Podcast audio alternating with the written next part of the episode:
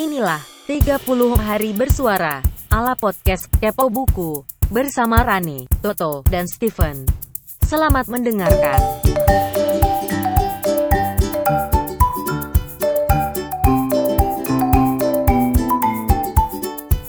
Kata kunci 30 hari bersuara ala kepo buku hari ke-19 langsung otomatis ujuk-ujuk ngingetin gua sama buku yang gua mau ceritain kali ini. Sorry belum kenalin. Nama gua Rane Hafid dan sekarang giliran gue di 30 hari bersuara ala kepo buku. Eh, kata kunci hari ini adalah pertentangan. Dan ini buku yang gue maksud. Judulnya The Clash of Civilizations and the Remaking of World Order. Oleh Profesor Samuel Huntington, seorang profesor ilmu politik dari Harvard University di Amerika Serikat. Diterbitkan pertama tahun 1996. Duh, berat bukunya nih, berat. Tapi disclaimer dulu, disclaimer dulu. Gua cuma mau coba menceritakan buku ini dari sisi gua ya. Karena ini kalau diulas yang panjang lebar bisa memicu perdebatan seru. Tapi masalahnya waktunya cuma sedikit buat 30 hari bersuara ini. Jadi mudah-mudahan ya sedikit banyak bisa menggambarkan lah seperti apa buku ini dari sisi gua. Sekali lagi dari sisi gua. Ya kalau memang ada yang mau memperpanjang urusan soal buku ini, sini sini sini. Kumpul sini. enggak, enggak, enggak. Ntar kita bisa obrolin di lain kesempatan lah.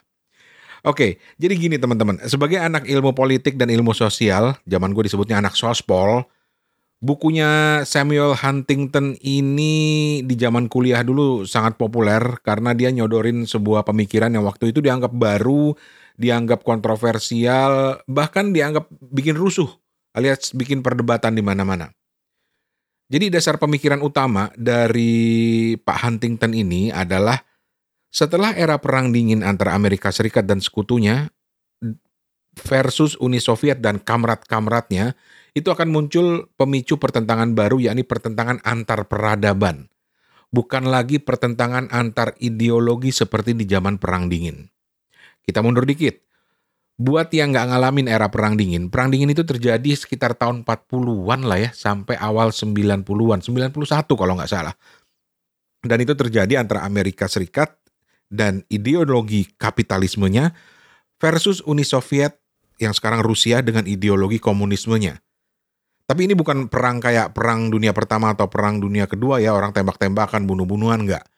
Disebut perang dingin karena kedua negara diam-diaman baik, diam-diaman, meneng-menengan, nggak ada pernyataan perang, nggak ada tembak-tembakan, Walaupun kedua negara terus buang-buang duit buat bikin senjata nuklir dan pamer senjata siapa yang paling gede dan ini nanti jadi biang masalah, biang berakhirnya perang dingin. Perangnya tuh nggak berhadapan-hadapan langsung. Gitu. Ya emang nggak seru banget sih. Tapi emang begitu kenyataannya. Jadi perangnya itu saling mempengaruhi teman-teman masing-masing lewat ideologi politik dan ekonomi. Dan uh, dunia juga akibatnya jadi terpecah antara kubu kapitalis dan kubu komunis Bahkan dalam satu negara, lihat aja Korea Utara dan Selatan, sampai sekarang masih malah ya, uh, Jerman Barat dan Jerman Timur. Dan juga ingat nggak bagaimana ideologi ini bikin masalah di banyak negara termasuk Indonesia yang berpuncak di tragedi G30 SPKI. Ya, dulu itu setiap negara dipaksa harus ikut kubu kapitalisme atau komunisme. Itu salah satu ekses dari perang dingin. Nah, ketika perang dingin kelar, ini panjang lagi ceritanya, tapi kurang lebih uh, kedua negara udah mulai ngos-ngosan uh, pamer bikin senjata nuklir, uh, pamer kekuatan ke mana-mana, pamer bukan pamer sih, tapi saling mempengaruhi. Itu itu kan butuh butuh uh, apa ya effort yang besar gitu ya. Mungkin udah kecapean Tyler capek. Uni Soviet terutama itu ekonominya mulai awut-awutan kemudian tembok Berlin runtuh di Jerman Uni Soviet kemudian pecah dan akibatnya orang udah tidak lagi mengidentifikasikan diri berdasarkan dua kubu tadi antara kubu kapitalisme dan komunisme. Nah, di sinilah uh, Samuel Huntington atau Pak Huntington itu masuk dengan teori baru, yakni ketika orang tidak lagi mengidentifikasi diri antara kapitalisme dan uh, uh, uh, komunisme, orang-orang akan mulai mengidentifikasikan diri berdasarkan budaya dan ini bisa memicu pertikaian baru, pertikaian antar budaya dan dalam konteks yang lebih tinggi itu disebut sebagai pertikaian antar peradaban, the clash of civilizations. Karena menurut Huntington, semua uh, peradaban itu terbentuk dari berbagai macam budaya.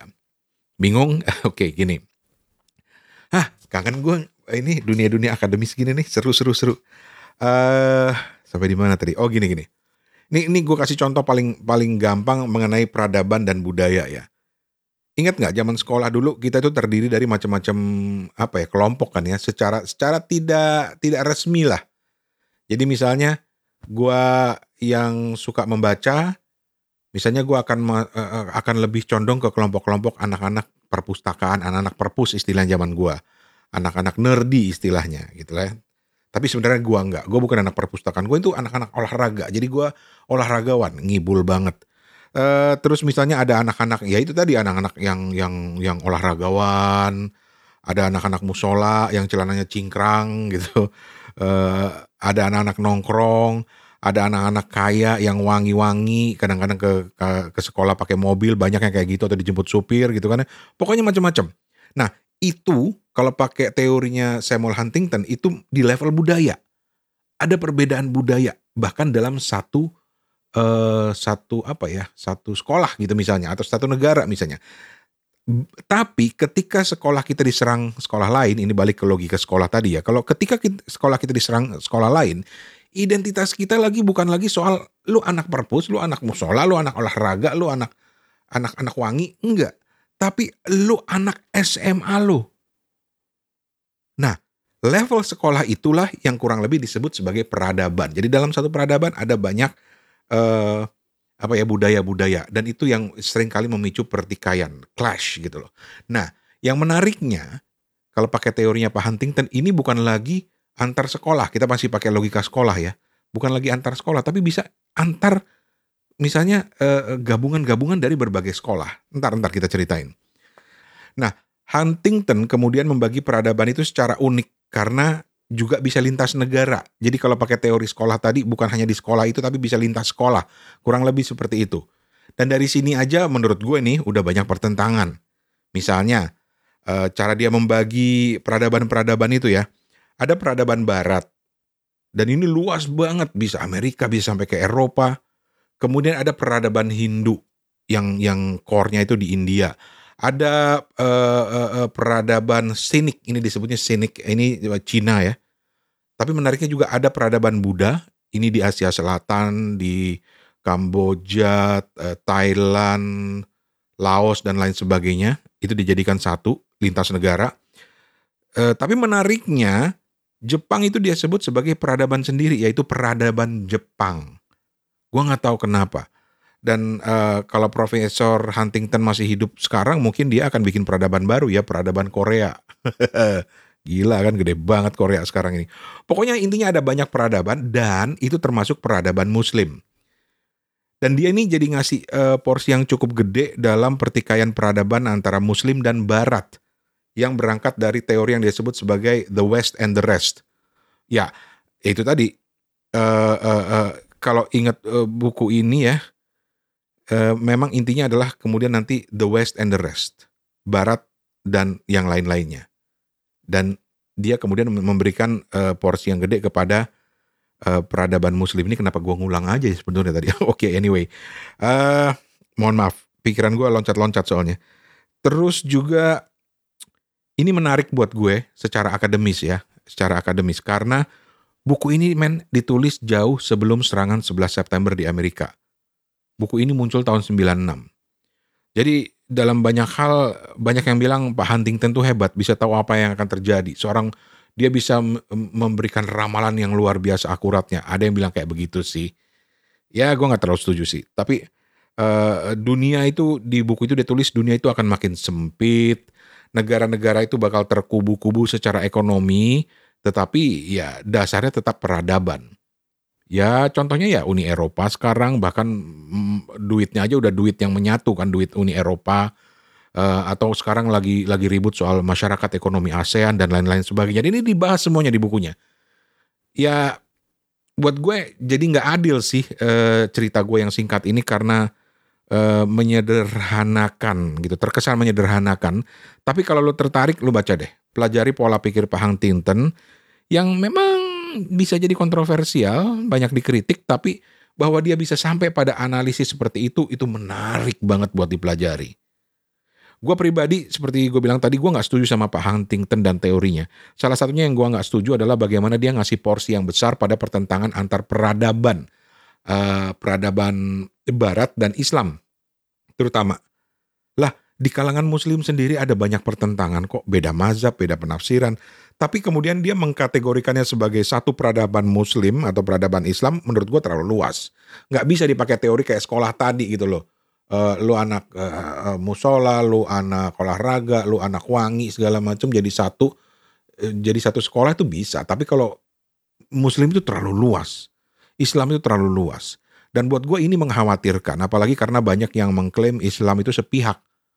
Banyak kan? Banyak kan? bahkan di negara kita juga banyak kan ya kayak gitu. Mengklaim Islam itu ada di pihak mereka bahwa mereka mewakili Islam dan sering kali itu bisa jadi pembenaran untuk melakukan tindak kekerasan. Dan akibatnya apa? Itu bisa dianggap mewakili semua kalangan Islam kalau pakai teorinya Pak Huntington. Malah nih menariknya dan ini kocak buat gue. Edward Said ini salah seorang akademisi favorit gue juga ya. Eh, terkenal banget dari Mesir tapi dia lama di Amerika Serikat dia pernah bilang, ini nggak gua kutip langsung ya, gua lupa persisnya, tapi intinya dia bilang begini, Samuel Huntington itu rasis, terutama ke kalangan Arab dan Muslim pada umumnya. oh man, indahnya dunia akademis tuh, aduh enak banget, seru banget. Ribut-ribut, tuding-tudingan, tapi pakai otak, bukan pakai otot. Awal gitu aja dulu lah. Um, lagi-lagi ini bisa jadi subjektivitas gue terhadap buku ini, tapi ya lo yang mau memperpanjang urusan soal buku ini ya boleh, boleh. Ayo sini, sini, sini. Kita jadiin sesi tersendiri kalau perlu di Kepo Buku nanti. Habis 30 hari bersuara ya. Januari ke sana lah. Ayo kalau ada yang berminat, yuk kita bahas bareng-bareng. Untuk sekarang Rane Hafid pamit, eh, kata kunci 30 hari bersuara berikutnya adalah rehat. Hmm, gue oper ke siapa ya? Steven apa Toto? Lo ya Tok, Tok, Tok, Tok ya wes pamit ya. Assalamualaikum. 30 hari bersuara adalah gagasan dari komunitas The Podcaster Indonesia. Saya Tante Google, sampai ketemu di episode besok. Permisi cuy.